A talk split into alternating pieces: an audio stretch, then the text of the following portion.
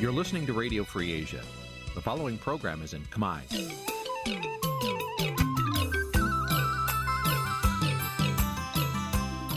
Nǐ chi càm bi tiệp xáy vệt chiu a zì sê ray នេះជាកម្មវិធីផ្សាយរបស់ Vithu Azisari ជាភាសាខ្មែរ វត្តឈូអាស៊ីសេរីសូមស្វាគមន៍លោកអ្នកនាងទាំងអស់ពីរដ្ឋធានី Washington នៃសហរដ្ឋអាមេរិក បាទពីរដ្ឋធានីវ៉ាស៊ីនតោនខ្ញុំបាទសេកបណ្ឌិតសូមជម្រាបសួរអស់លោកអ្នកនាងកញ្ញាទាំងអស់ជាទីមេត្រីយើខ្ញុំសូមជូនកម្មវិធីផ្សាយសម្រាប់ព្រឹកថ្ងៃពុធ10កើតខែអាសត់ឆ្នាំថោះបច្ចស័កពុទ្ធសករាជ2567ត្រូវនៅថ្ងៃទី22ខែវិច្ឆិកាគ្រិស្តសករាជ2023បាទជាដំបូងនេះសូមអញ្ជើញអស់លោកអ្នកនាងស្ដាប់ព័ត៌មានប្រចាំថ្ងៃដែលមានមេត្តាដូចតទៅ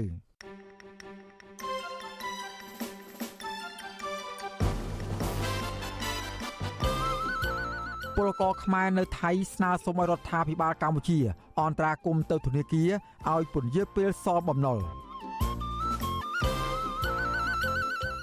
មេដឹកនាំសហជីពនិងកម្មកររិះគន់លោកហ៊ុនម៉ាណែតថាប៉ុនប៉ងបិទសិទ្ធិសេរីភាពបញ្ចេញមតិរបស់ពួកគេ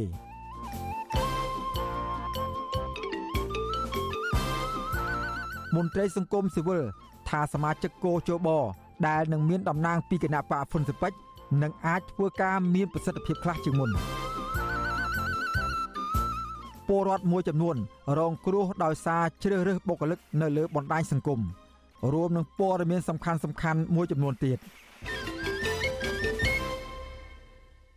បាទជាបន្តទៅទៀតនេះខ្ញុំបាទសេកបណ្ឌិតសូមជូនព័ត៌មានពិស្ដាបាទលោកអ្នកនាងកញ្ញាជាទីមេត្រី ពលករខ្មែរមួយចំនួនដែលធ្វើការនៅក្នុងប្រទេសថៃអំពាវនាវដល់រដ្ឋាភិបាលកម្ពុជាឲ្យជួយអន្តរាគមន៍ទៅធនាគារនិងស្ថាប័នមីក្រូហិរញ្ញវត្ថុឲ្យពន្យាពេលសងប្រាក់ត្រឡប់រយៈពេល1ឆ្នាំ។ពួកគេអះអាងថាសពថ្ងៃគ្មានលទ្ធភាពរកប្រាក់សងបំណុលធនាគារបាននោះទេក្រមពលករខ្មែរធ្វើការនៅប្រទេសថៃទាំងនោះគ្រោងជួបជុំគ្នាសម្ដែងមតិជាថ្មីទៀតនៅចុងសប្តាហ៍នេះ នៅទីក្រុងបាងកកដើម្បីទាមទារឲ្យរដ្ឋាភិបាលកម្ពុជាពន្យាពេលសងបំណុលធនាគារពលករខ្មែរធ្វើការផ្នែកកាត់ដេរនៅទីក្រុងបាងកកលោកសុសសលប្រាប់បទសុអសីស្រីនៅថ្ងៃទី21វិច្ឆិកាថាលោកធ្វើការពីអ្នកប្រពន្ធបានប្រាក់ឈ្នួលជាង10000បាតឬស្មើប្រមាណ300ដុល្លារក្នុងមួយខែលោកបញ្ជាក់ថាប្រាក់ឈ្នួលទាំងនេះស្ទើរតែមិនគ្រប់ដោះស្រាយបញ្ហាជីវភាពនៅប្រទេសថៃ ដូច្នេះទើបលោកអំពាវនាវឲ្យរដ្ឋាភិបាលកម្ពុជា ជួយអន្តរាគមន៍ទៅធនាគារឲ្យពន្យាពេលសងប្រាក់ត្រឡប់រយៈពេល1ឆ្នាំអញ្ចឹងលទ្ធភាពនៃការរលុយប្រចាំខែគឺខើចពាក់កណ្ដាលអញ្ចឹងលទ្ធភាពអាចថាមានប្រាក់ហ្នឹងមិនអាចសម្រាប់តែក្នុងរស់នៅ ប្រចាំថ្ងៃទេប៉ុន្តែអាអាប្រាក់ដែលយើងឧបត្ថម្ភទៅផ្ទះដើម្បីសងមណ្ឌលធនាគារនឹងគឺត្រូវបានបាត់បង់ហើយដូចនេះហើយបានយើងចង់ស្នើសុំទៅខាងប្រទេសកម្ពុជានោះដែលបំណុលធនាគារនោះគឺឲ្យពញាដោយសារបច្ចុប្បន្នគឺការងាររបស់យើងធ្លាក់ចុះចំណាយពលករសំណង់នៅទីក្រុងបាងកកដែលមានស្រុកកំណើតនៅខេត្តបន្ទាយមានជ័យលោកមុចម៉លថ្លែងថាគ្រួសាររបស់លោកមានគ្នា4នាក់ស្នាក់នៅប្រទេសថៃអស់រយៈពេលជិត3ឆ្នាំមកហើយ ដើម្បីរកប្រាក់សងស្ថាប័នមីក្រូរ៉ៃវត្ថុលោកថាសពថ្ងៃនេះលោកធ្វើការងារបានប្រាក់ឈ្នួលតែជាង10000បាតឬស្មើប្រមាណ300ដុល្លារប៉ុណ្ណោះក្នុងមួយខែខណៈកូនរបស់លោក2នាក់នៅតូចមិនអាចធ្វើការងារអ្វីបានឡើយលោកបញ្ជាក់ថាប្រាក់ឈ្នួលទាំងនេះសម្រាប់តែហូបចុកប្រចាំថ្ងៃដោយពុំមានប្រាក់សល់ដើម្បីសងបំណុលស្ថាប័នមីក្រូរ៉ាញ់វត្ថុនោះទេ បាទយើងរត់អត់រួចបងមួយខែអញ្ចឹងណាហ្នឹងឯងដោយសារយើងមកហ្នឹងសពាក់ធនាគារសឹងថាបងប្អូនយើងសឹងថាគ្រប់គ្នាអញ្ចឹងបងទាំងគេទាំងខ្ញុំអញ្ចឹងណាណាមួយយើងឆៃចាយវាច្រើនដែរយើងរត់អត់រួចអញ្ចឹងហើយខ្ញុំមានតែស្នើរាជរដ្ឋាភិបាលនៅប្រទេសកម្ពុជាយើងហ្នឹងជួយពន្យាពេលមួយឆ្នាំបងការប្រាក់ក្នុងមួយឆ្នាំហ្នឹងឯងវុទ្ធុអសីស្រីនៅពុំទាន់អាចតាក់ទងប្រធានអង្គភិបអ្នកណែនាំពីរដ្ឋាភិបាលលោកប៉ែនបូណា ដើម្បីសូមអត្ថាធិប្បាយជុំវិញការស្នើសុំរបស់ពលករនេះបាននៅឡើយទេ នៅថ្ងៃទី21វិច្ឆិកាប៉ុន្តែកាលពីថ្ងៃទី15វិច្ឆិកាលោកនាយករដ្ឋមន្ត្រីហ៊ុនម៉ាណែត លើកឡើងថារដ្ឋាភិបាល និងធនាគារជាតិទើបតែបន្ធូរបន្ថយលក្ខខណ្ឌមួយចំនួន ដើម្បីជួយកាត់បន្ថយសម្ពាធដល់ធនាគារគ្រឹះស្ថានមីក្រូហិរញ្ញវត្ថុនិងក្រុមហ៊ុន ក្នុងវិស័យមួយចំនួន រួមទាំងវិស័យអចលនទ្រព្យជាដើម។ ដូច្នេះលោកអំពីវនាវឲ្យប្រតិបត្តិការវិស័យទាំងនេះជួយសម្រួលការលំបាករបស់អតិថិជន ដែលកំពុងរងគ្រោះក្នុងវិបត្តិសេដ្ឋកិច្ចនៅពេលបច្ចុប្បន្ននេះ បើពុំដូច្នោះទេ ទាំងក្រុមហ៊ុន និងរដ្ឋាភិបាលនឹងជួបបញ្ហាធ្ងន់ធ្ងរបើអតិថិជនមានបញ្ហាធនាគារឬក្រុមហ៊ុនដែលតកម្ចីក៏មានបញ្ហារដ្ឋាភិបាលក៏មានបញ្ហា អញ្ចឹងអ្វីដែលយើងបានផាត់អ្វីដែលយើងបានផ្ដល់ឲ្យគោលការណ៍នៅកាលពីថ្ងៃ13នោះគឺសង្ឃឹមថាប្រតិបត្តិការទាំងនៅក្នុងវិស័យធនាគារអចលនទ្រព្យក៏ដូចជាវិស័យផ្សេងផ្សេងដែលអាចបានផលនេះសូមធ្វើយ៉ាងណាគិតគូរវិធានការយ៉ាងណាដើម្បីជួយសម្រាលបន្តទៅដល់បងប្អូនប្រជាពលរដ្ឋទៅដល់អាជីវកម្មដែលជាអ្នកផ្សេងទៅដល់ប្រជាពលរដ្ឋដែលទិញផ្ទះទៅដល់ប្រជាពលរដ្ឋដែលត្រូវការកម្ចីផ្សេងជាងយើងជួយគ្នានៅក្នុងការលំបាកទោះពិតណាស់យើងត្រូវការប្រុងប្រយ័ត្នព្រោះមិនចង់ឲ្យអាលុំទាំងភ្នែនទេ ទោះយ៉ាងណាក្រមពលករទាំងនោះអះអាងថា រហូតមកដល់ពេលនេះបុគ្គលិកធនាគារនិងស្ថាប័នមីក្រូហិរញ្ញវត្ថុនៅតែទារប្រាក់ពីពួកគេដដែលជុំវិញរឿងនេះប្រធានផ្នែកប្រយុទ្ធប្រឆាំងការជួញដូរមនុស្សនិងទេសន្តប្រវេសនៃអង្គការសង្ត្រាល់លោកឌីថេហូយ៉ាមានប្រសាសន៍ថាជីវភាពរបស់ពលករខ្មែរនៅប្រទេសថៃពិតជាលំបាកដោយសារពួកគេមិនសូវមានការងារធ្វើទៀងទាត់ និងបានប្រាក់ឈ្នួលតិចតួច។ ដូច្នេះលោកថារដ្ឋាភិបាល គួរតែអន្តរាគមន៍ទៅស្ថាប័នធនាគារឲ្យជួយដល់ពួកគេតាមការស្នើសុំកន្លងមកយើងឃើញរដ្ឋាភិបាលទាវនាវរហូតប៉ុន្តែអាការពាវនេះគាត់តែជាវិធីមួយឲ្យមហាជនមើលឃើញថាយកចិត្តទុកដាក់ឬមួយចាប់អារម្មណ៍ដែរក៏ប៉ុន្តែមិនមែនជាគោលនយោបាយមួយជំរុញឲ្យមានការវត្តសិទ្ធិភាពទេអញ្ចឹងអ្វីដែលត្រូវគិតដែលត្រូវធ្វើនោះគឺថាពាក់ព័ន្ធនឹងគោលនយោបាយឬអនុវត្តឲ្យវាមានវិជ្ជាភាពជាជាងគ្រាន់តែជាការប្រកបប្រកាសដើម្បី បង្ហាញថាខ្លួនយកចិត្តទុកដាក់ដែរក៏ប៉ុន្តែដំណោះស្រាយនៅតែមិនមានអានឹងវាអត់បានប្រយោជន៍ដែរមួយរយៈពេលចុងក្រោយនេះពលករខ្មែរមួយចំនួនធ្វើការនៅប្រទេសថៃបានប្រមូលផ្ដុំគ្នាសម្ដែងមតិទាមទាររដ្ឋាភិបាលពន្យាពេលសងបំណុលធនាគារជាបន្តបន្ទាប់ដើម្បីផ្ញើសារទៅរដ្ឋាភិបាលឲ្យងាកមកចាប់អារម្មណ៍ដោះស្រាយពីទុកលំបាករបស់ពួកគេមន្ត្រីអង្គការសង្គមស៊ីវិលលើកឡើងថា បញ្ហានេះប្រសិនបើរដ្ឋាភិបាលមិនជួយអន្តរាគមន៍ដល់ពលរដ្ឋតាមការស្នើសុំនោះទេអាចនឹងកើតមានវិបត្តិសង្គមធ្ងន់ធ្ងរនៅថ្ងៃខាងមុខដោយសារពលរដ្ឋធ្វើចំណាក់ស្រុកទៅក្រៅប្រទេសកាន់តែច្រើន ដើម្បីរកប្រាក់សងបំណុលធនាគារ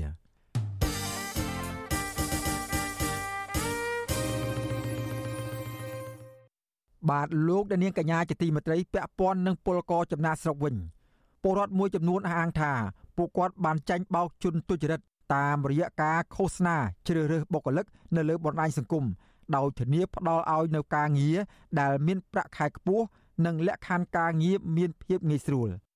មន្ត្រីសង្គមស៊ីវិលថាដើម្បីទប់ស្កាត់បទល្មើសឆបោកតាមប្រព័ន្ធអនឡាញ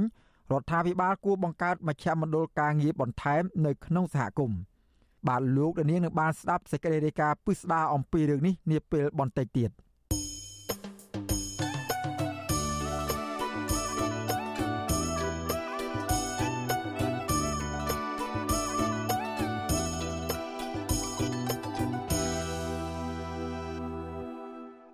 បាទលោកអ្នកនាងកញ្ញាជាទីមេត្រីតកតងនឹងស្ថាប័នរៀបចំការបោះឆ្នោតវិញ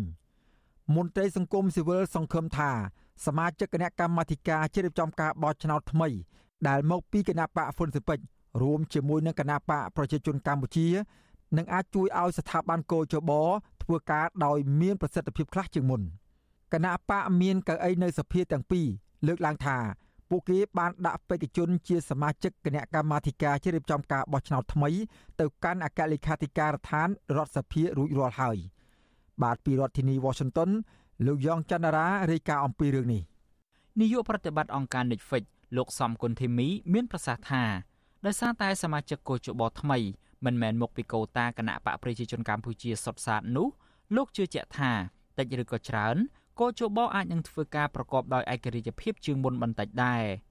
ក៏ប៉ុន្តែលោកយល់ថាគណៈបកហ្វុនស៊ិនពេជ្រនឹងមិនមានសមាជិកស្មើមុខស្មើមាត់ជាមួយនឹងគណៈបកកណ្ដាលអំណាចដែលមានចំនួនកៅអីសភាច្រើនលើសលប់នោះឡើយជាសារមានសមាធិនៅក្នុងការសម្រេចរបស់ cơ ចបនឹងវាកាន់តែប្រសើរឡើងប៉ុន្តែអាណត្តិនេះខ្ញុំមើលទៅវាមិនអាចទៅរួចដោយសារគណៈបព្វជិជនគាត់មានអាសនៈច្រើនលើសលប់មិនមែនដូចការគណៈបកសង្គ្រោះជាតិបាន55កៅអីទេ មាត្រា151ថ្មី2នៃរដ្ឋធម្មនុញ្ញចែងថាគណៈកម្មាធិការជ្រៀបចំការបោះឆ្នោត មានសមាជិក9រូបដែលទទួលអាណត្តិ5ឆ្នាំម្ដង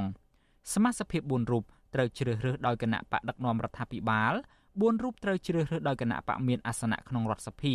ដែលមិនចូលរួមក្នុងរដ្ឋាភិបាលនិងមួយរូបទៀតត្រូវជ្រើសរើសដោយមានការព្រមព្រៀងគ្នារវាងគណៈបកដែលមានអាសនៈនៅក្នុងរដ្ឋសភាយោងទៅតាមមាត្រានៃរដ្ឋធម្មនុញ្ញនេះ បេក្ខជនដែលមានសិទ្ធិចូលរួមឈរឈ្មោះជាសមាជិកនៃកោជបត្រូវមានសមាជិកភាពចេញពីគណៈបកប្រជាជនកម្ពុជា ដែលមានអាសនៈសភាចំនួន120និងគណៈបកហ្វុនស៊ិនពេជ្រដែលមាន5អាសនៈជុំវិញរឿងនេះអ្នកនាំពាក្យគណៈបកហ្វុនស៊ិនពេជ្រលោកញឿនរ៉ាដែនប្រាប់វិទ្យុអាស៊ីសេរីនៅថ្ងៃទី21វិច្ឆិកាថាគណៈបករបស់លោកបានដាក់បេក្ខជនជាសមាជិកកោជបទៅកាន់គណៈកម្មាធិការអចិន្ត្រៃយ៍រដ្ឋសភារួចរាល់ហើយកាលពីថ្ងៃទី17ខែវិច្ឆិកា លោកបន្ថែមថាតាមរយៈការដាក់បេក្ខជនសមាជិកកោជបពីកោតាគណៈបកហ្វុនស៊ិនពេជ្រនេះលោកជឿជាក់ថាកោជបនឹងធ្វើការកាន់តែមានយុត្តិធម៌និងមានប្រសិទ្ធភាពជាងមុន។ យើងមានជំនឿថាគណៈកម្មការរៀបចំការបោះឆ្នោតនៅពេលខាងមុខនឹងដែលមានសមាជិកមួយចំនួនពីគណៈបកគុណជំពេចនិងអង្គការសង្គមស៊ីវិលនិងបំរើនៅស្ថាប័ននេះធ្វើយ៉ាងម៉េចឲ្យជាស្ថាប័នឯករាជ្យហើយនឹងជាស្ថាប័នមួយដែលអាចបង្កើតជំនឿហើយធ្វើឲ្យជឿទុកចិត្តបានសម្រាប់គ្រប់គណៈបកនយោបាយទាំងអស់ដែលចូលរួមការបោះឆ្នោតនៅពេលខាងមុខ ទោះជាយ៉ាងនេះក្តី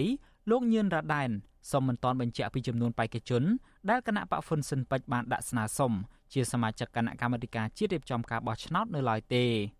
ជាមួយគ្នានេះគណៈបកហ្វុនស៊ិនពេជ្រនិងគណៈបកប្រជាជនកម្ពុជាក៏មិនទាន់បានពិភាក្សាគ្នាអំពីសមាជិកភាពបេក្ខជនសមាជិកគោជបទី9នៅឡើយដែរក៏ប៉ុន្តែលោកញឿនរ៉ាដែនបានអះអាងថាគណៈបកហ្វុនស៊ិនពេជ្រក៏បានស្នើសុំបេក្ខជនទី9ចេញមកពីស្ថាប័នឯករាជ្យផងដែរ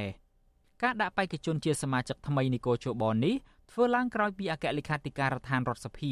កាលពីថ្ងៃទី14ខែវិច្ឆិកាបានប្រកាសឲ្យអសរជនដែលមានបំណងឈរឈ្មោះជាបេក្ខជនសមាជិកគោជបដាក់ពាក្យទៅកាន់គណៈកម្មាធិការអចិន្ត្រៃយ៍រដ្ឋសភាត្រឹមថ្ងៃទី23ខែវិច្ឆិកាវិទ្យុអាស៊ីសេរីមិនទាន់អាចតាក់ទងแนะនាំពាក្យរដ្ឋសភាលោកលេងពេញឡុងដើម្បីសុំការបកស្រាយអំពីរឿងនេះបន្ថែមបានទេ នៅថ្ងៃទី21វិច្ឆិកា ជុំវិញរឿងនេះដែរអ្នកនាំពាក្យគណៈបកប្រជាជនកម្ពុជាលោកសុកអេសាន មានប្រសាសន៍ថាគណៈបកប្រជាជនកម្ពុជាបានដាក់បេក្ខជន ជាសមាជិកគណៈកម្មាធិការជាតិរៀបចំការបោះឆ្នោតរួចរាល់ហើយដែរក្រោយពីតុលាការកំពូលដែលស្ថិតនៅក្រោមឥទ្ធិពលរបស់លោកហ៊ុនសែនបានរំលាយគណៈបកសង្គ្រោះជាតិកាលពីឆ្នាំ2017នោះមកសង្គមស៊ីវិលជាតិនិងអន្តរជាតិបានលើកឡើងថាស្ថាប័នកោជប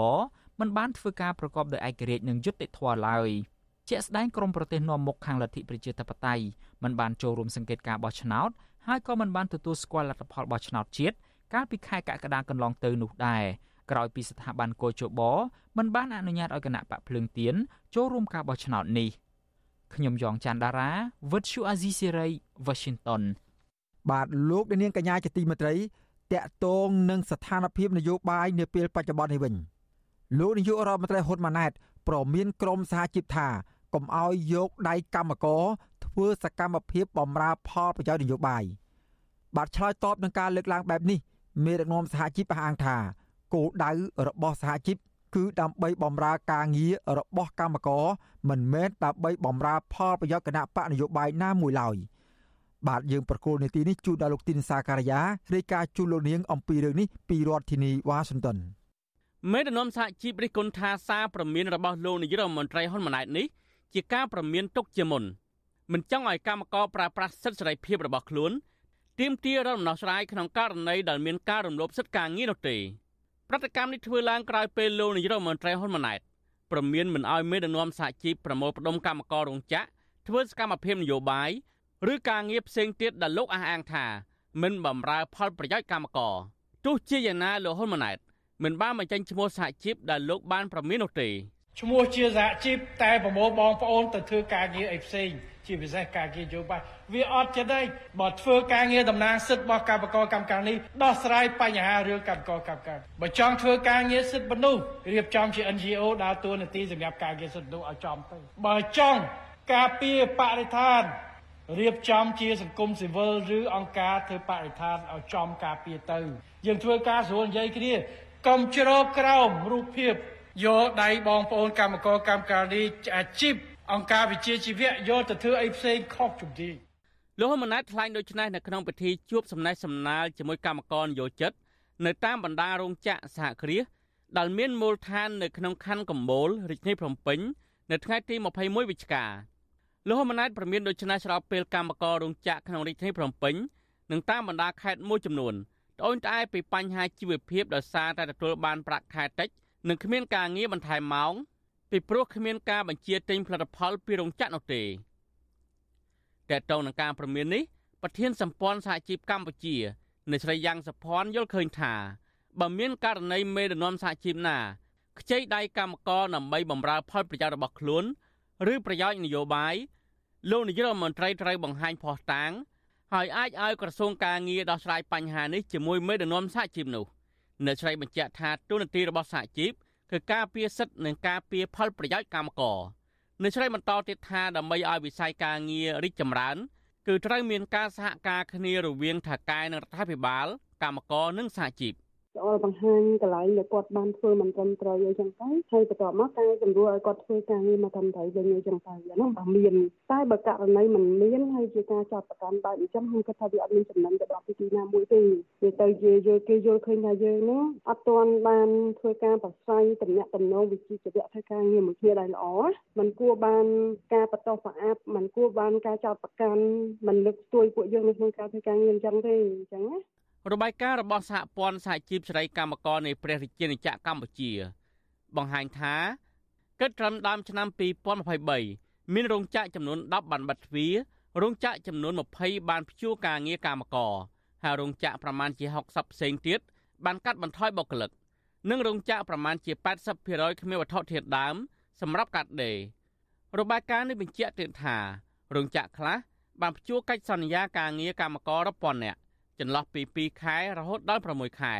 ដោយរោងចក្រទាំងនេះអះអាងថាគ្មានអ្នកបញ្ជាទិញកម្មករដែលតកែព្យួរការងារភ ieck ច្រើនត្រូវបានក្រុមហ៊ុនផ្ដល់ប្រាក់អត្ថប្រយោជន៍ត្រឹមតែ15%ឬប្រមាណជា30ដុល្លារនៃប្រាក់ឈ្នួលអបបរមាប៉ុណ្ណោះ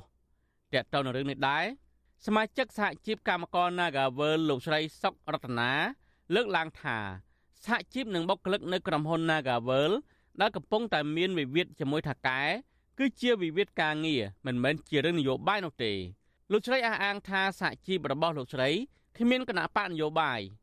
ឬអ្នកណាម្នាក់នៅពីក្រៅនោះទេប៉ុន្តែការទៀមទារបស់បុគ្គលិក Nagavel នៅពេលនេះពីព្រោះជួបរឿងអយុត្តិធម៌លោកស្រីបារម្ភថានៅពេលដែលប្រមុខរដ្ឋាភិបាល មើលមកសហជីពក្នុងផ្លូវមិនល្អដូច្នេះលោកស្រីមិនសូវមានសង្ឃឹមថាវិវាទការងារនៅក្រុមហ៊ុន Nagavel អាចទទួលបានដំណោះស្រាយឆាប់ៗនេះនោះឡើយ។ ទោះជាបែបនេះក្តីលោកស្រីអះអាងថាក្រុមបុគ្គលិក Naga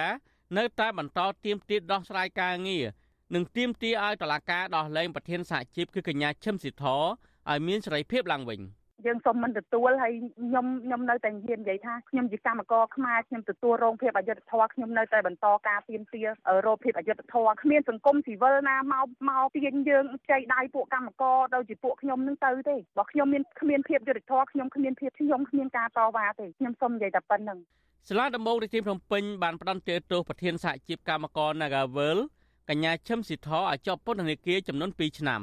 ពីបទញុះញង់ឲ្យមានភាពវឹកវរធ្ងន់ធ្ងរដល់សន្តិសុខសង្គមវិវាទការងារនៅក្រុមហ៊ុន Naga នេះបានអស់បន្លាយជាង3ឆ្នាំមកហើយនៅស្របពេលកោតក្រ Nagavel ដែលមួយចំនួនជាស្ត្រីមានផ្ទៃពោះនាំគ្នាចេញតវ៉ារដំណោះស្រាយកាលពីខែធ្នូឆ្នាំ2021នោះរដ្ឋមន្ត្រីក្រសួងការងារលោកហេងសួរបានបង្ហោះសារបែបបញ្ឆិតបញ្ឈៀងនៅលើ Facebook របស់លោកថាតាក់តិចរបស់អ្នករៀបចំបដិវត្តពណ៌គឺប្រើប្រាស់អនិច្ចជន ជាពិសេសស្ត្រីមានកូនខ្ចីឬស្ត្រីមានផ្ទៃពោះដើម្បីចូលរួមតវ៉ាអ្វីមួយលោកចោទថាអ្នករៀបចំតែងតែបនស្រន់ឲ្យមានគ្រោះថ្នាក់លើស្ត្រីទាំងនោះដើម្បីបញ្ឆេះកំហឹងមហាជនប៉ុន្តែលោកថាតតិចនេះតែងតែត្រូវបានអាជ្ញាធរចាត់ការលើមេខ្លោងនិងជនដៃដល់ដែលអនុវត្តផែនការនេះទាន់ពេលវេលាទោះបីជាលោកហេងសួរមិននិយាយចំឈ្មោះលើក្រុមកោតក្រ Nagawal បែបនេះក៏ដោយតែលោកបានបង្ហោះសារនេះ នៅស្របពេលកោតក្រ Nagawal ជាង1000នាក់នាំគ្នាចេញតវ៉ាដោយសន្តិវិធី នៅមុខក្រុមហ៊ុន Nagawal ដើម្បីទាមទារឲ្យថកែដោះស្រាយជូនពួកគេខ្ញុំបាទទីនសាការីយ៉ាអស៊ីសេរីប្រធានាធិបតី Washington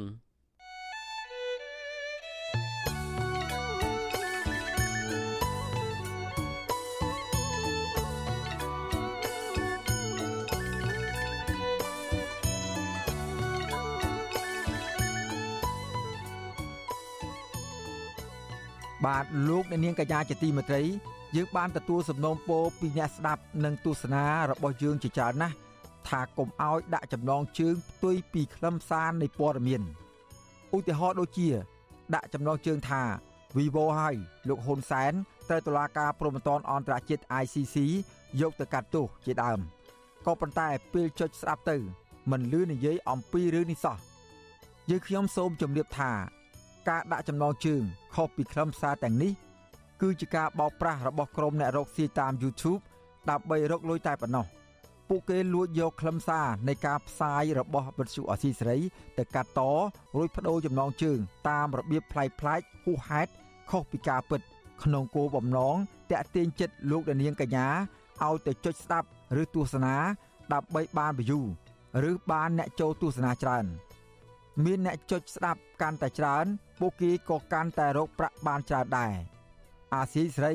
មិនដែលដាក់ចំណងជើងខុសពីខ្លឹមសារនោះទេ លោកនាងកញ្ញា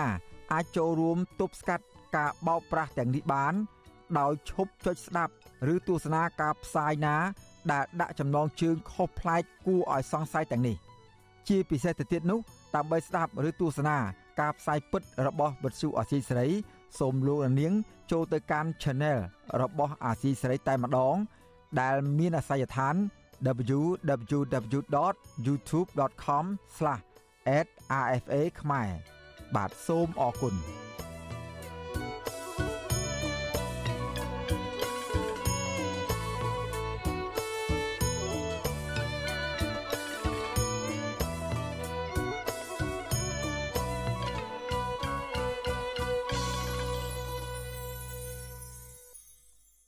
បាទលោកនាងកញ្ញាជាទីមេត្រីឥឡូវនេះយើងក៏លេខមកមើលបញ្ហាអំពីព្រៃសហគមន៍នៅខេត្តកំពង់ធំឯនោះវិញសកម្មភាពកាប់ទន្ទ្រានព្រៃសហគមន៍អូដាស្កូទន្ទ្រានយកដីធ្វើជាកម្មសិទ្ធិក្នុងខេត្តកំពង់ធំ ដែលមានពលរដ្ឋជាង200គ្រួសារអាស្រ័យផល គឺជាបញ្ហាប្រឈមមួយ ក្នុងចំណោមបញ្ហាប្រឈមផ្សេងៗទៀតដែលក្រមយុវជន និងព្រះសង្ឃបានធ្វើធម្មយាត្រាដាក់ញត្តិ ស្នើសុំអាជ្ញាធរមូលដ្ឋានដោះស្រាយបញ្ហានេះជាបន្ទាន់បាទសូមស្ដាប់សេចក្តីរាយការណ៍របស់អ្នកស្រីស៊ូជីវីអំពីរឿងនេះពីរដ្ឋធានីវ៉ាស៊ីនតោនក្រមយុវជនឲ្យដឹងថាអាជ្ញាធរឃុំមានរិទ្ធស្រុកសណ្ដានខេត្តកំពង់ធំ បានទទួលយកញត្តិរបស់ពលរដ្ឋរួចហើយដែលស្នើឲ្យអាជ្ញាធរបញ្ឈប់សកម្មភាពកាប់បំផ្លាញគម្របព្រៃសហគមន៍អូដាស្កូធ្វើជាកម្មសិទ្ធិឯកជនជាបន្តបន្ទាប់ យុវជនចូលរួមធម្មយាត្រានេះគឺកញ្ញាវិនសុតីប្រាប់វិទ្យុអាស៊ីសេរីថាគ្រាន់តែក្នុងរយៈពេល6ថ្ងៃប៉ុណ្ណោះនៅក្នុងខែវិច្ឆិកានេះព្រៃសហគមន៍អូដាស្កូរងការកាប់ទន្ទ្រានឲ្យคล้ายជាវាលអស់50ហិកតាបន្ថែមទៀតដើម្បីទន្ទ្រានយកដីធ្វើជាកម្មសិទ្ធិកញ្ញាបន្ថែមថាបើមើលពីខាងក្រៅតាមដងផ្លូវចូលព្រៃសហគមន៍នេះនៅសល់ព្រៃក្រាស់ក៏ប៉ុន្តែនៅពេលចូលទៅដល់ខាងក្នុងវិញ សម្បូរដោយការកាប់រៀនដីព្រៃបែបអនាធិបតេយ្យនិងមានដើមឈើធំធំដួលរាយប៉ាយជាច្រើនតំបន់ទៀតព្រៃអូដាស្កូហ្នឹងប្រជាជនភាគច្រើនគាត់អាស្រ័យផលទៅលើដំណាំទៅលើព្រៃឈើហ្នឹងជាខ្លាំងព្រោះដោយសារគាត់ត្រូវការចូលទៅរកបន្លែប្លុកសម្រាប់បរិភោគនិងយកទៅលក់ជាជំរករបស់សត្វព្រៃគ្មានការអន្តរាគមន៍ឬក៏ការរារាំង មានការយកចិត្តទុកដាក់ពីអាជ្ញាធរនៅទីនោះព្រៃតំបន់អូតាស្កូនឹងមិនសេសសល់ទេល្អមើលទៅខាងក្រៅទេបើសិនជាយើងដើរចូលទៅដល់ក្នុងយើងនឹងឃើញហើយថាការកាប់ទន្ទ្រានព្រៃនឹងគឺច្រើនខ្លាំងមែនទែនកាលពីថ្ងៃទី17ដល់ថ្ងៃទី20ខែវិច្ឆិកាព្រះសង្ឃនិងយុវជនចំនួន25នាក់បានធ្វើធម្មយាត្រាដើម្បីអប់រំផ្សព្វផ្សាយអំពីសិល5បរិស្ថាននិងសុខភាព នៅតាមដងផ្លូវមួយចំនួនក្នុងទីប្រជុំជនក្នុងឃុំមានរិទ្ធ ឲ្យពលរដ្ឋបានយល់ដឹងពីប្រយោជន៍ព្រៃឈើនិងបំពោះដើមឈើធំធំ នៅក្នុងតំបន់ព្រៃសហគមន៍អូដាស្កូដំណើរធម្មយាត្រានេះមានការសួរនាំពីសំណាក់អាជ្ញាធរមូលដ្ឋានដោយលើកហេតុផលថា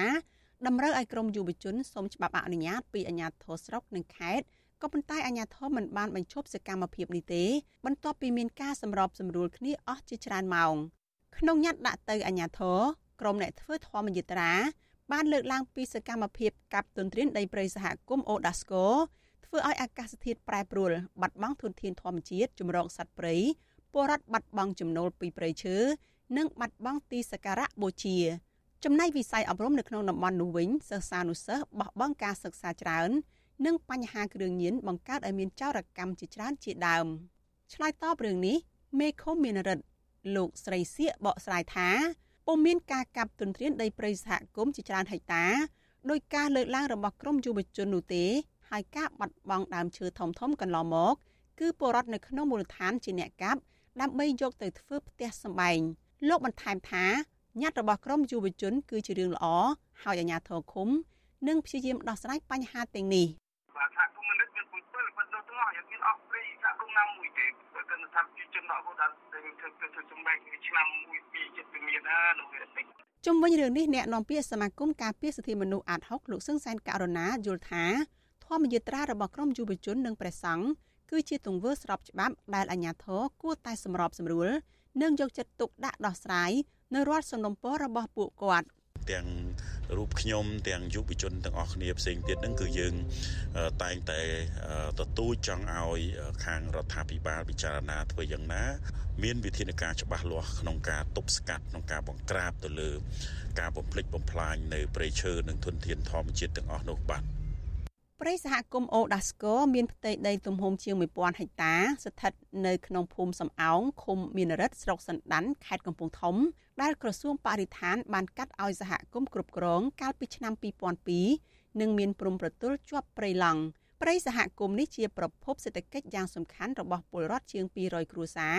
ដោយតំបន់នោះមានសក្តានុពលព្រៃឈើសម្បូរបែបនិងសត្វព្រៃកម្រជាច្រើនរស់នៅរួមមានខ្លាឃ្មុំឆ្លុះខ្ទីងប្រើសកងោកនិងមន់ព្រៃជាដើមនាងខ្ញុំសុជីវីវិទ្យុអាស៊ីសេរី ពីរដ្ឋធានី Washington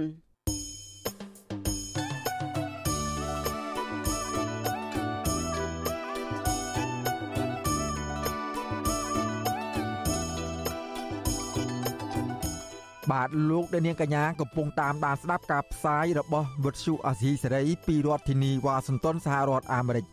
ក្រៅពីអស់លោកលានាង តាមដានស្ដាប់ការផ្សាយរបស់យើងខ្ញុំតាមរយៈបណ្ដាញសង្គមមាន Facebook YouTube និង Telegram ជាដើមនោះលោកលានាងក៏អាចស្ដាប់ការផ្សាយរបស់វិទ្យុអាស៊ីសេរីតាមរយៈវិទ្យុរលកធាតុអាកាសខ្លី ដែលមានកម្រិតនិងកម្ពស់ដូចតទៅនេះពេលព្រឹកចាប់ពីម៉ោង5កន្លះដល់ម៉ោង6កន្លះតាមរយៈប៉ុស SW 93.90 MHz ស្មើនឹងកម្ពស់ 32m និងប៉ុស SW 11.85 MHz ស្មើនឹងកម្ពស់ 25m ពេលយប់ចាប់ពីម៉ោង7កន្លះដល់ម៉ោង8កន្លះតាមរយៈប៉ុស SW 93.30 MHz ស្មើនឹងកម្ពស់ 32m ប៉ុស SW 11.88 MHz ស្មើនឹងកម្ពស់ 25m និងប៉ុស SW 15.15 MHz ស្មើនឹងកម្ពស់ 20m បាទសូមអរគុណ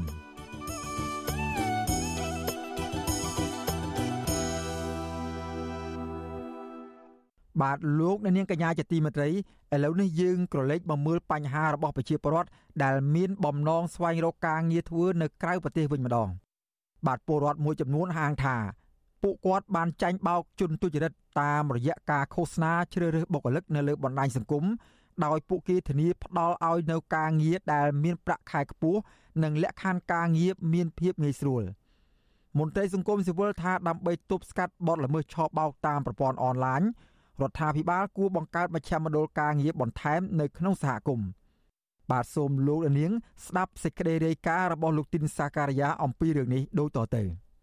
ប្រជាពលរដ្ឋមួយចំនួនកំពុងតែស្វះស្វែងរកការងារធ្វើដើម្បីរកប្រាក់ដោះស្រាយជីវភាពនិងសងបំណុលធនាគារ នៅខណៈដែលសេដ្ឋកិច្ចកម្ពុជាកំពុងធ្លាក់ចុះហើយទីផ្សារការងារកាន់តែចង្អៀតនោះក៏ប៉ុន្តែឆ្លៀននៅក្នុងឱកាសនេះមានជនខិលខូចមួយចំនួន បានប្រើល្បិចបោកប្រាស់ប្រជាពលរដ្ឋតាមរយៈការបង្កើតដំណឹងជ្រើសរើសបុគ្គលិកនៅលើបណ្ដាញសង្គមដែលផ្ដល់ប្រាក់ឈ្នួលខ្ពស់និងលក្ខខណ្ឌការងារងាយស្រួលធ្វើជានុយពលករនៅប្រទេសថៃលោកស៊ីនសារិនប្រាប់វិទ្យុអាស៊ីសេរីថាលោកបានចាញ់បោកមេខ្យល់នាំពលករចំណាក់ស្រុកទៅធ្វើការនៅប្រទេសថៃ តាមរយៈការជ្រើសរើសបុគ្គលិកនៅលើបណ្ដាញទំនាក់ទំនងសង្គមដែលប្រកាសរើសបុគ្គលិកជាច្រើនអ្នកទៅធ្វើការនៅក្នុងរោងចក្រនិងទទួលបានប្រាក់ខែចន្លោះពី450ទៅ700ដុល្លារក្នុងមួយខែប៉ុន្តែលោកបន្តថាជាក់ស្ដែងលោកទទួលបានប្រាក់ខែត្រឹមតែ300ដុល្លារប៉ុណ្ណោះខណៈរោងចក្រនោះបានបញ្ឈប់លោកបន្ទាប់ពីធ្វើការទើបតែបាន2ខែដែលធ្វើឲ្យលោកបាត់បង់ការងារអស់ជាច្រើនខែមកហើយ រោងចក្រដូចរើសពលករខុសច្បាប់ដែរនឹងរោងចក្រលក្ខណៈរដូវមានការងារអញ្ចឹងគឺជាយកទៅដល់ពេលរដូវអស់ការងារអញ្ចឹងទៅទៅដកចេញវិញទៅខុសគ្នាច្រើនណាបងគេថាថ្លៃបន្ទប់ស្នាក់នៅព្រីអញ្ចឹងទៅដល់ពេលមកធ្វើផ្ទាល់ថ្លៃបន្ទប់ថ្លៃចេញខ្លួនឯងទាំងអស់ទៅទៅវាខ្មែរយើងពិបាកបោកតែខ្មែរគ្នាឯងបងយើងធ្វើការយើងបង់លុយអស់មកកណោមកចុះឡើងឡើងខ្លែងក្រុមហ៊ុនវាកន្លែងចលុចបោកយើងទៀតផ្ដាំស្ញាឲ្យពលករទាំងអស់មុនចេះរើសក្រុមហ៊ុនអ្វីមួយត្រូវស្រាវជ្រាវច្បាស់លាស់ហើយចូលពិនិត្យមើលក្រុមហ៊ុននឹងមានចុះបញ្ជីការក្នុងក្រសួងអត់ប្រហាក់ប្រហែលគ្នាដែរបរដ្ឋនៅខេត្តព្រៃវែងវិញលោកឆនរ៉ាឌីរៀបរាប់ថា លោកធ្លាប់ចាញ់បោកដូចគ្នាដែរតាមរយៈការប្រកាសជ្រើសបុគ្គលិកនៅលើបណ្ដាញសង្គម Facebook ចំនួន2ដងមកហើយដោយអ្នកប្រកាសនោះប្រាប់អំពីប្រាក់ឈ្នួលខ្ពស់មិនទៀមទាកម្រិតបបធរខ្ពស់ឬបទពិសោធន៍ការងារនោះទេ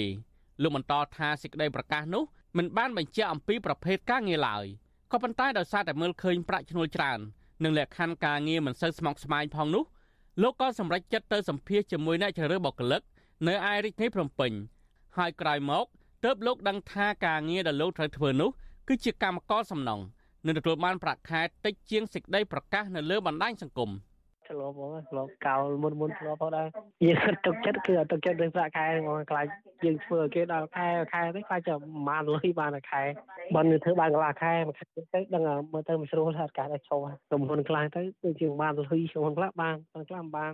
ការជ្រើសរើសបុគ្គលិកលើបណ្ដាញអនឡាញច្រើនមាននៅក្នុងបណ្ដាញទំនាក់ទំនងសង្គម Facebook ប្រព័ន្ធ Telegram និង TikTok ដោយភ្ជាប់ជាមួយនឹងឃ្លាថារើសបុគ្គលិកបន្ទាន់លក្ខខណ្ឌការងារងាយស្រួល អត្ថប្រយោជន៍ផ្សេងផ្សេងនិងប្រាក់ខែខ្ពស់ជាដើមភាគច្រើនទីតាំងដែលគេជ្រើសបុគ្គលិកទាំងនោះឲ្យទៅធ្វើការគឺនៅតាមតំបន់បនលបែងនិងបម្រើសេវាកម្មកំសាន្តដូចជានៅខេត្តប្រសិទ្ធនុក្រុងបាវិតខេត្តស្វាយរៀងរាជធានីភ្នំពេញនិងក្រុងប៉ោយប៉ែតខេត្តបន្ទាយមានជ័យខណៈមួយចំនួនមានទៅក្រៅប្រទេសដូចជា ថៃម៉ាឡេស៊ីនិងចិនជាដើមទោះជាយ៉ាងណាការស្វែងរកការងារតាមអនឡាញឬបណ្ដាញសង្គម ដែលមានភាពប្រថុយប្រឋានបែបនេះនៅតែជាជំរើសរបស់បរិវត្តមួយចំនួនដែលខ្វះលក្ខណៈសម្បត្តិសម្រាប់លក្ខខណ្ឌការងារដូចជាបទពិសោធន៍និងកម្រិតបបធរគ្មានខ្សែរយៈសម្រាប់ទាញចូលកន្លែងការងារព្រោះវិធីរកការងារតាមអនឡាញនេះងាយស្រួលជាងការដើរដាក់ពាក្យតាមកន្លែងស្ថាប័ននិងក្រុមហ៊ុន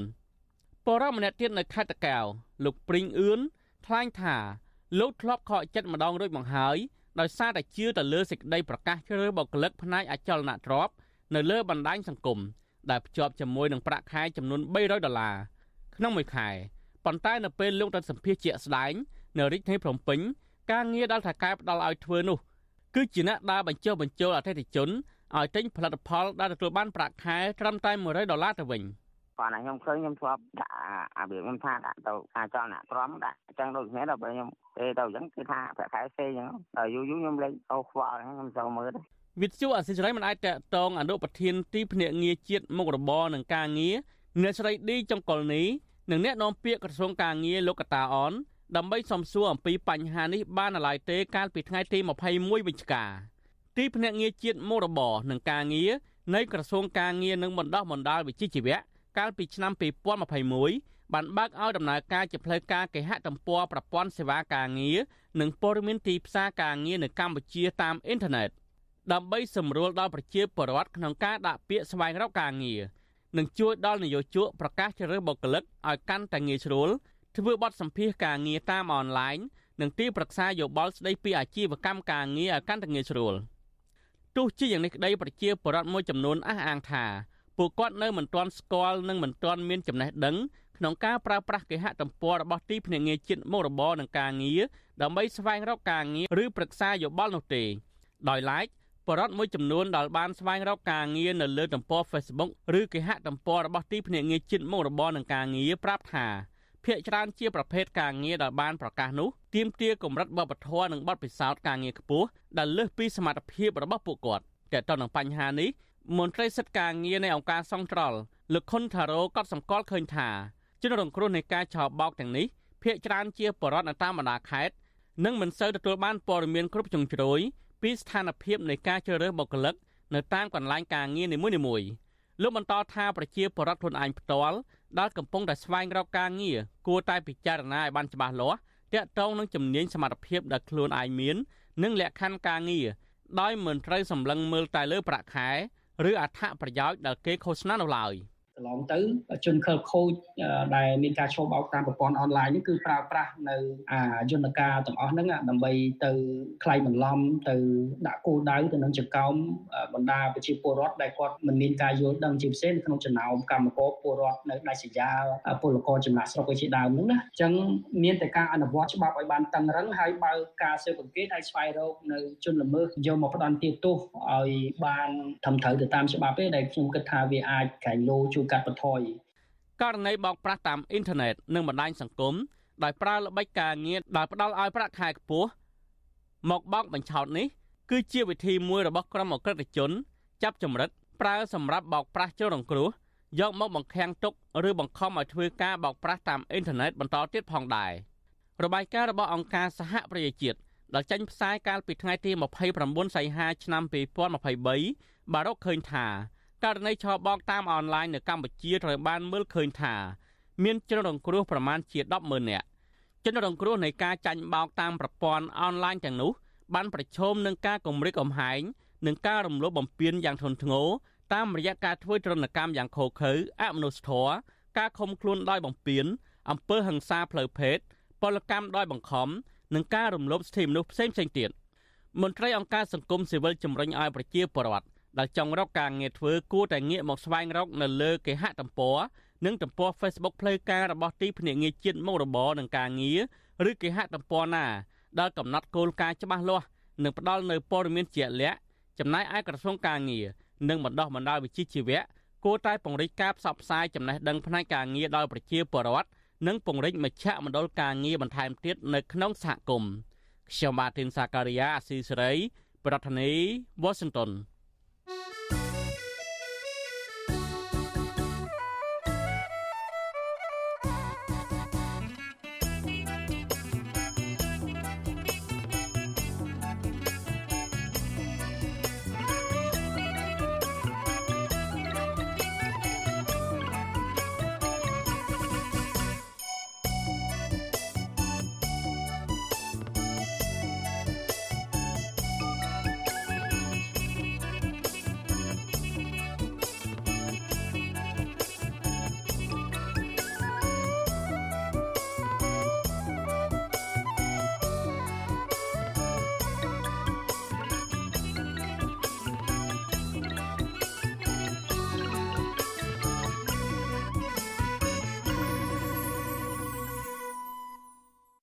បាទលោកអ្នកនាងកញ្ញាជាទីមេត្រី ចំណែកឯសេចក្តីរាយការណ៍ដែលពាក់ព័ន្ធការប្រើអំពើហិង្សាទៅលើសកម្មជនសង្គមនិងសកម្មជនគណៈបកនយោបាយវិញ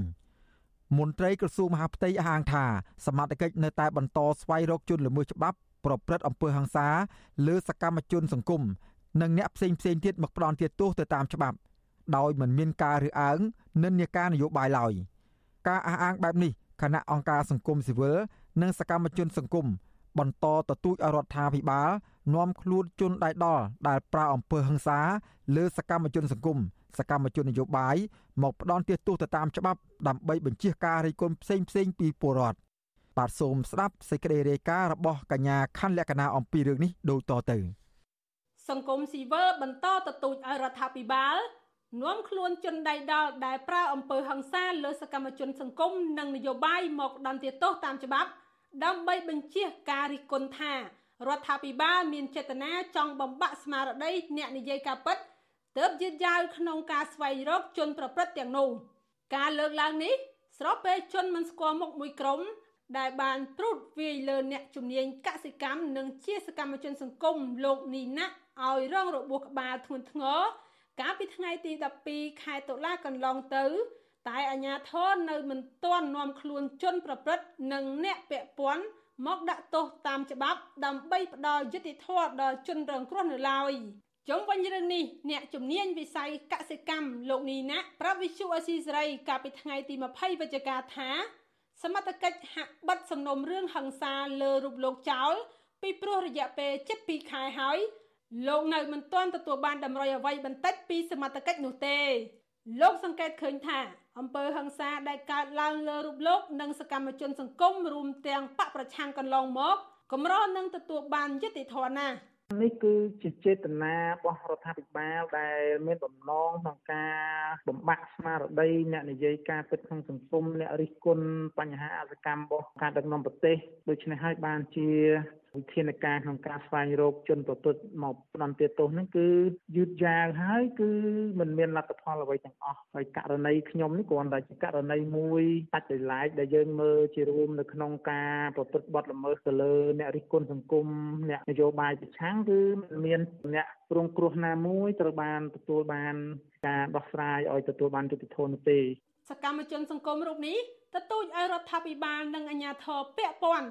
នាំខ្លួនជនប្រព្រឹត្តបទល្មើសដែលពងធ្វើឃាតលើរូបលោក និងសកម្មជនផ្សេងទៀតមកផ្ដន្ទាទោសតាមច្បាប់ដើម្បីកុំឲ្យសាធារណជនមានមន្ទិលសង្ស័យលើរដ្ឋាភិបាលបន្តទៀត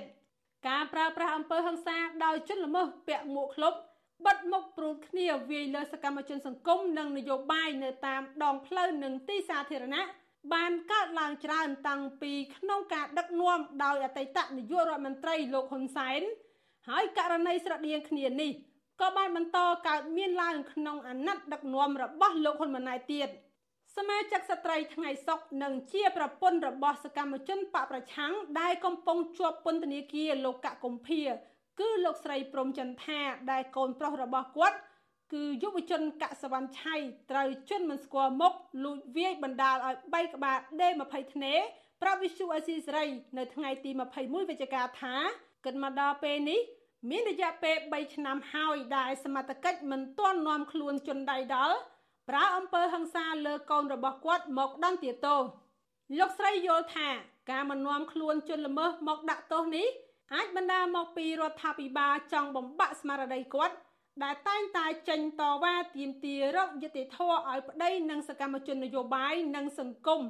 ដែលត្រូវបានរដ្ឋាភិបាលចាប់ដាក់ពន្ធនាគារទាំងអយុត្តិធម៌ គ្រួសាររបស់ខ្ញុំក៏ជាប់ពន្ធនាគារបន្ទាប់មកខ្ញុំចេញតវ៉ាជារៀងរាល់សប្តាហ៍ដើម្បីទាមទារដើម្បីរកយុត្តិធម៌សម្រាប់គ្រួសារក៏ដូចឲ្យមានការដោះលែងឬក៏ពន្ធនាការដែលមិនឯករាជ្យទេណាដល់ពេលអញ្ចឹងទៅគាត់អាចថាខឹងសម្បាអញ្ចឹងទៅថាវាយឬក៏គប់កូនខ្ញុំគ្រួសារខ្ញុំដើម្បីបំបាក់ស្មារតីអ្នកផ្សេងផ្សេងដើម្បីដល់ទៅទៀតព្រោះគាត់ថាវាយសម្លាប់មួយគម្រាម100អញ្ចឹងណាដើម្បីកុំឲ្យគេងើបអញ្ចឹងណាចាធ្វើអញ្ចឹងដើម្បីបំបាក់ស្មារតីប្រជាពលរដ្ឋដែលអ្នកស្រឡាញ់នយោបាយនិងសកម្មជនដទៃទៀត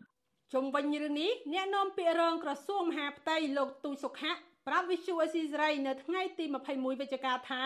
សមត្ថកិច្ចនៅតែយកចិត្តទុកដាក់ស្វែងរកជនប្រព្រឹត្តមកផ្ដន្ទាទោស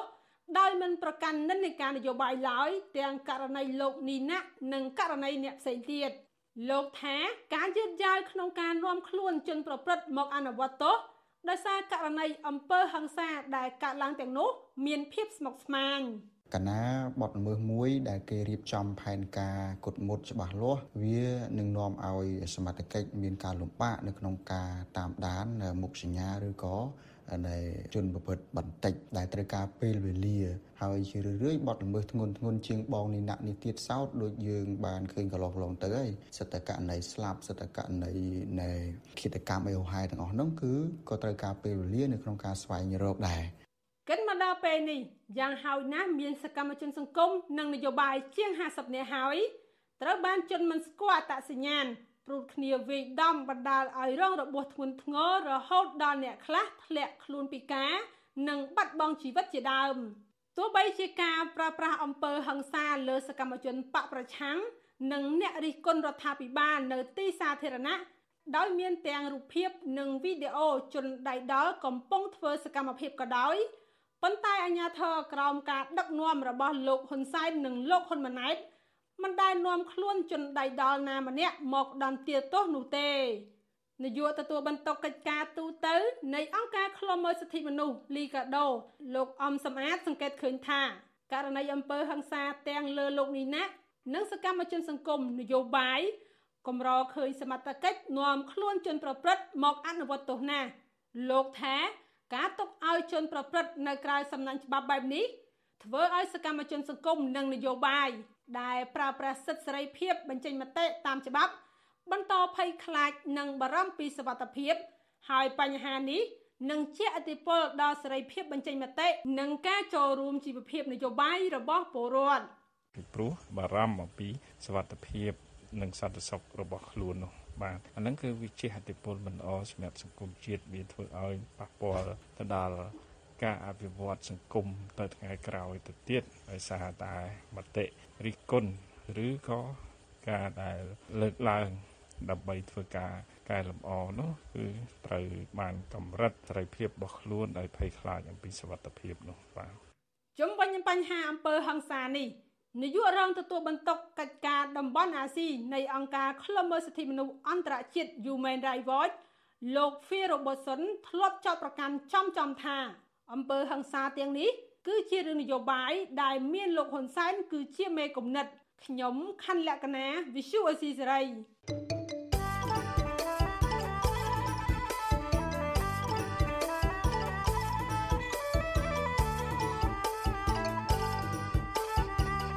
បាទលោកអ្នកនាងកញ្ញាជាទីមេត្រីឥឡូវនេះយើងក៏លេខមកមើលសេចក្តីរាយការណ៍ពាក់ព័ន្ធនឹងបញ្ហាគ្រឿងញៀននៅក្នុងសង្គមវិញម្ដងបាទយុវជនមួយចំនួន បានទ្រុឌទ្រោមសុខភាពនិងមានជំងឺប្រចាំកាយដូចជាជំងឺក្រពះ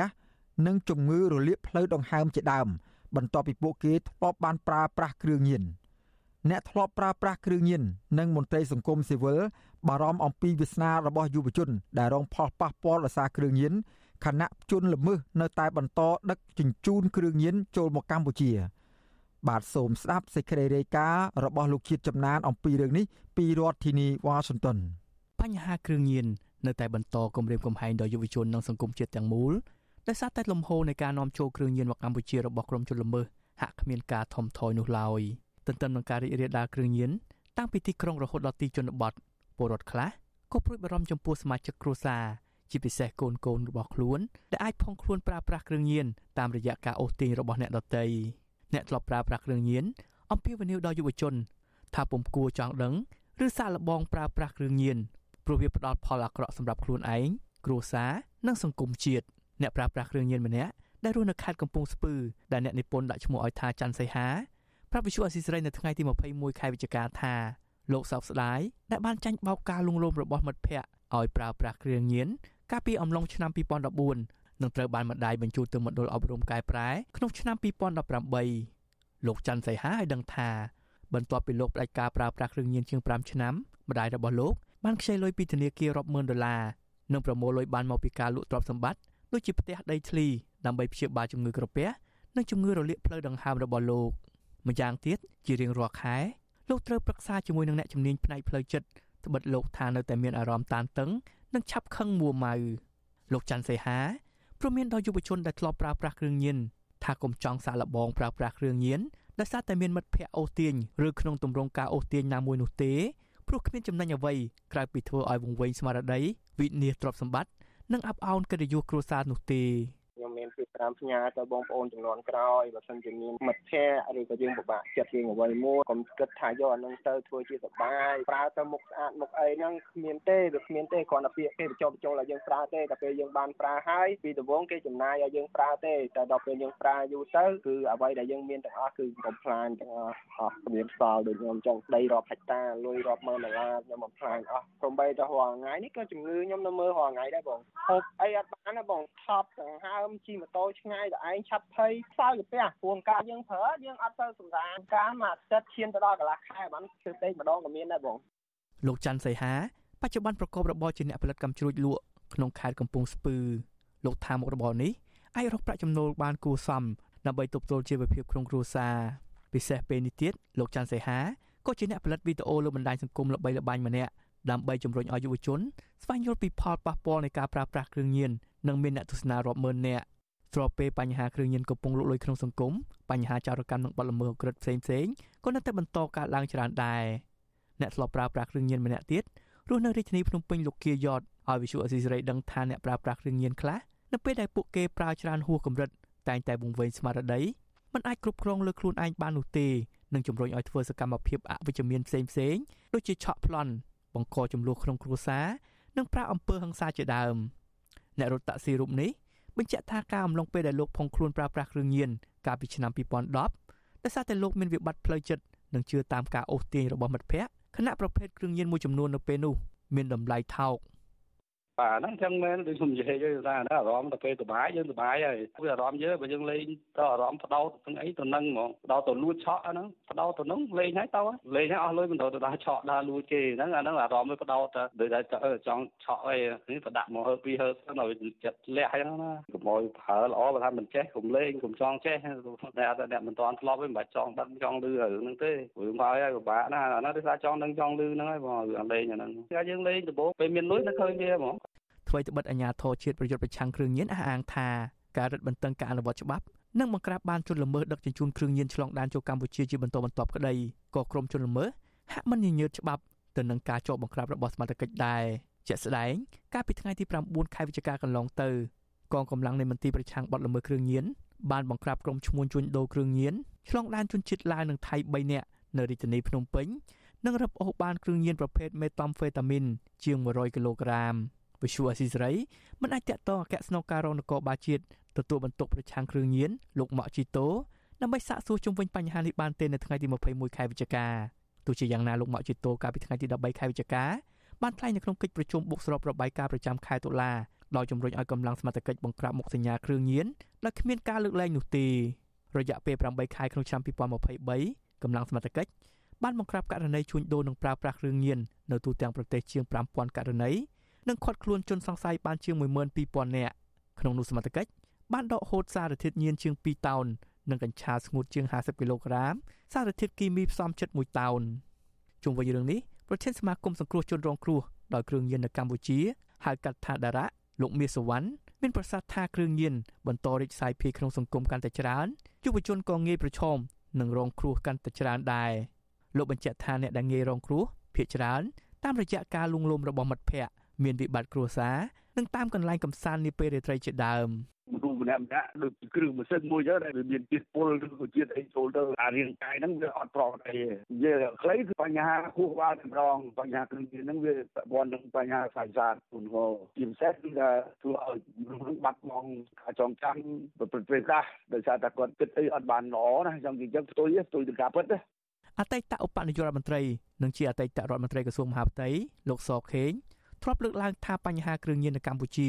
ប្រសិនបើគ្មានជាប់ពាក់ព័ន្ធជាមួយអ្នកមានអំណាចសមត្ថកិច្ចជំនាញមិនពិបាកដោះស្រាយនោះឡើយកាលពីចុងខែតុលាកន្លងទៅសមត្ថកិច្ចខេត្តប្រសេអនុបានខាត់ខ្លួនមេបញ្ជាការកងរាជអាវុធហត្ថស្រុកភ្នំស្រួចខេត្តកំពង់ស្ពឺម្នាក់និងបកពួកជាមន្ត្រីកងរាជអាវុធហត្ថចំនួន5នាក់ពាក់ព័ន្ធនឹងករណីជួញដូរគ្រឿងញៀនដោយឡែកកាលពីដើមខែវិច្ឆិកាស្នងការដ្ឋាននគរបាលខេត្តព្រៃវែងបានធ្វើតេស្តរកឃើញថាមន្ត្រីសមត្ថកិច្ច11នាក់បានប្រើប្រាស់គ្រឿងញៀន ថ្មីថ្មីនេះតុលាការក្រុងភ្នំពេញក៏បានបញ្ជូនមេប៉ូលីសផ្កាយ2ម្នាក់និងបកពួក2នាក់ផ្សេងទៀតឃុំខ្លួននៅពន្ធនាគារព្រៃសរដែលពាក់ព័ន្ធនឹងការចម្រិតព្រាប្រាក់ពីជនសង្ស័យជនជាតិចិនមួយក្រុមដែលជួញដូរគ្រឿងញៀនដើម្បីជាថ្នូវទៅនឹងការដោះលែងជនជាតិចិនទាំងនោះអ្នកខ្លាំមើលជំរុញដល់ស្ថាប័នជំនាញបន្តស៊ើបអង្កេតករណីនេះបន្ថែមត្បិតពួកគេជឿជាក់ថាអាចនៅមានមន្ត្រីក្នុងជួររដ្ឋាភិបាលច្រើនរូបផ្សេងទៀតដែលជាប់ពាក់ព័ន្ធនឹងបញ្ហាគ្រឿងញៀននេះខ្ញុំបាទជាចំណាន Visual Society ប្រធានាទី Washington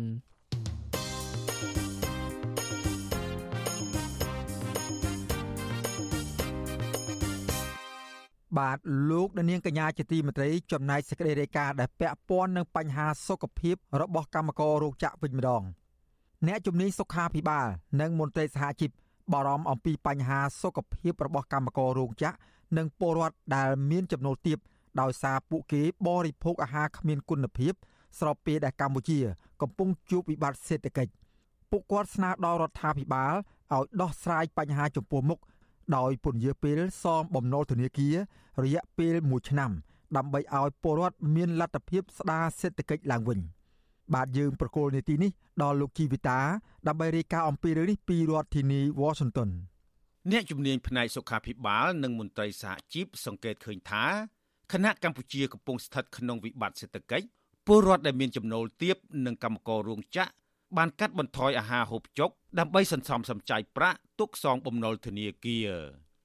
ពួកគាត់បារម្ភថាការកាត់បន្ថយអាហារហូបចុកនេះធ្វើឲ្យពលរដ្ឋងាយប្រឈមនឹងបញ្ហាសុខភាព ប្រព័ន្ធភាពស៊ាំនិងការលូតលាស់ចុះខ្សោយព្រោះអាហារទាំងនោះពុំសូវមានសារធាតុចិញ្ចឹមខ្វះអនាម័យនិងមានជាតិស្ករខ្ពស់អាហារដែលប៉ះពាល់ដល់សុខភាពទាំងនោះរួមមានមីកញ្ចប់ ប្រហិតចៀននិងភេសជ្ជៈបើកម្លាំងជាដើម អតីតមន្ត្រីជាន់ខ្ពស់នៃមន្ទីរសុខាភិបាលខេត្តបៃលិន និងជាមន្ត្រីគណៈបកភ្លើងទៀនលោកខឹមមនីកុសល ប្រាប់វិទ្យុអាស៊ីសេរីថាការត្បិតត្បៀតនៅការចំណាយលើថ្លៃម្ហូបអាហារគឺកើតមានឡើងសម្រាប់ពលរដ្ឋនៅមូលដ្ឋាន ជាពិសេសគឺកម្មកររោងចក្រលោកបន្តថា ការកាត់បន្ថយម្ហូបអាហារនេះ គឺប៉ះពាល់ដល់សុខភាពពួកគាត់និងកាន់តែអាក្រក់ទៅទៀតនោះ គឺប៉ះពាល់ដល់ការលូតលាស់របស់កុមារ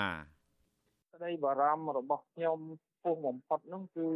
បញ្ហាការប្រឈមនឹងសុខភាពគឺការកង្វះអាហារូបត្ថម្ភហើយនិងអនាម័យចំណីអាហារហ្នឹងគឺគឺជារឿងមួយចាំបាច់ណាអាហ្នឹងយើងមិនទាន់គិតពីជំងឺវែងឆ្ងាយទៅមុខទៀតផលប៉ះពាល់ដោយសារអាហារហ្នឹងហើយនឹងការវិចស្តប់អាចធ្វើឲ្យមានជំងឺដូចជាមហារីកផ្សេងផ្សេងទៅលើសរីរាង្គផ្សេងផ្សេងទៀតហ្នឹងគឺវានឹងកើតមាន នៅពេលចូលធ្វើការឬចេញពីធ្វើការ កម្មកររោងចក្រតែងទិញម្ហូបអាហារនៅតាមដងផ្លូវក្នុងទីប្រជុំជនឬនៅតាមមុខរោងចក្រដែលមានតម្លៃធូរថ្លៃដើម្បីបរិភោគដែលអាហារទាំងនោះច្រើនតែដាក់លក់ផ្ទាល់នៅលើម៉ូតូឬនៅលើតុក្បែរផ្លូវច្រើនត្រូវរុយរោមនិងដីហុយជាដើមអតីតកម្មកររោងចក្រឌីហាន លោកស្រីជាស៊ីណែតដែលបានឈប់ធ្វើការក្រោយពីរោងចក្របិទទ្វារកាលពីចុងឆ្នាំ2022និងបច្ចុប្បន្នជាអ្នកលក់ទឹកអំពៅ ប្រាប់វិទ្យុអាស៊ីសេរីថាវាជារឿងធម្មតាទៅហើយសម្រាប់កម្មករគឺមានតែបាយកញ្ចប់មុខរោងចក្រប៉ុណ្ណោះសម្រាប់ហូបលោកស្រីត្រូវត្បិតត្បៀតម្ហូបអាហារ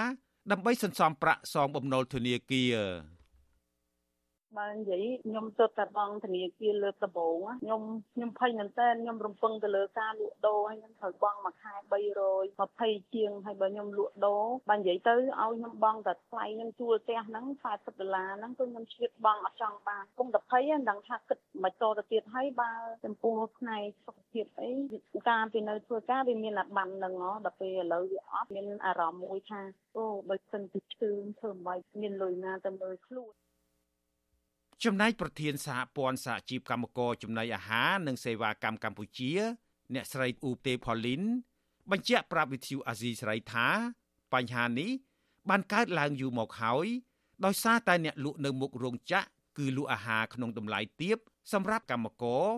ហើយការវិចខ្ចប់ចំណីអាហារទាំងនោះក៏មិនមានប្រើអ្វីផ្សេងមកជំនួសក្រៅពីផ្លាស្ទិកទេ អ្នកស្រីបន្តថាចំណែកឯកម្មករ ក៏មិនមានលទ្ធភាពទិញអាហារដែលមានជីវជាតិគ្រប់គ្រាន់នោះដែរដោយសារតែអាហារទាំងនោះមានតម្លៃខ្ពស់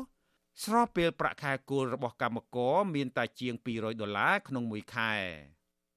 ទេសកលសម័យបុរាណមកគេឲ្យមនុស្សហូបចុកមិនគ្រប់គ្រាន់ហើយធ្វើការអត់កម្រៃលក់ដូរមនុស្សពីម្ចាស់មួយទៅម្ចាស់មួយដល់ពេលមកសម័យទេសកលសម័យទំនើបឲ្យមនុស្សហូបចុកអត់គ្រប់គ្រាន់ហើយតម្លៃទំនិញតម្រូវការជាចាំបាច់របស់កម្មករយោជិកនឹងថ្លៃមានន័យថាវាអត់មានអីប្រសើរបើយើងមើលទៅសម័យទេសកលសម័យទំនើបនិងសម័យថ្មីហ្នឹងវាគ្រាន់តែស្ថិតនៅក្នុងរូបភាពលក្ខខណ្ឌមួយគេអត់លក់ដូរមនុស្សតែគេឲ្យមនុស្សធ្វើការច្រើនម៉ោងប្រាក់ខែតិចអត់អាចរស់នៅឆ្លើយតបទៅនឹងការរស់នៅនឹងឯងអញ្ចឹងណា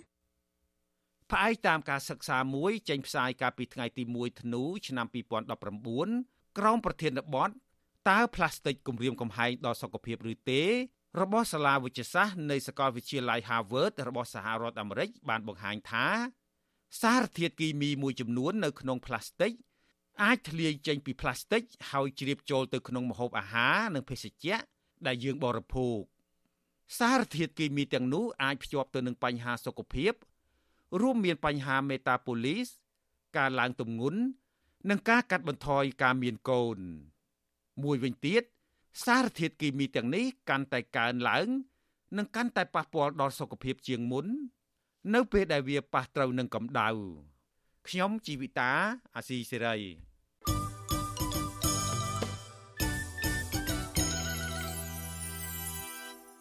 បាទលោកអ្នកនាងកញ្ញាជាទីមេត្រីការផ្សាយរបស់វិទ្យុអសីស្រីសម្រាប់ព្រឹកនេះចប់តែប៉ុណ្ណេះ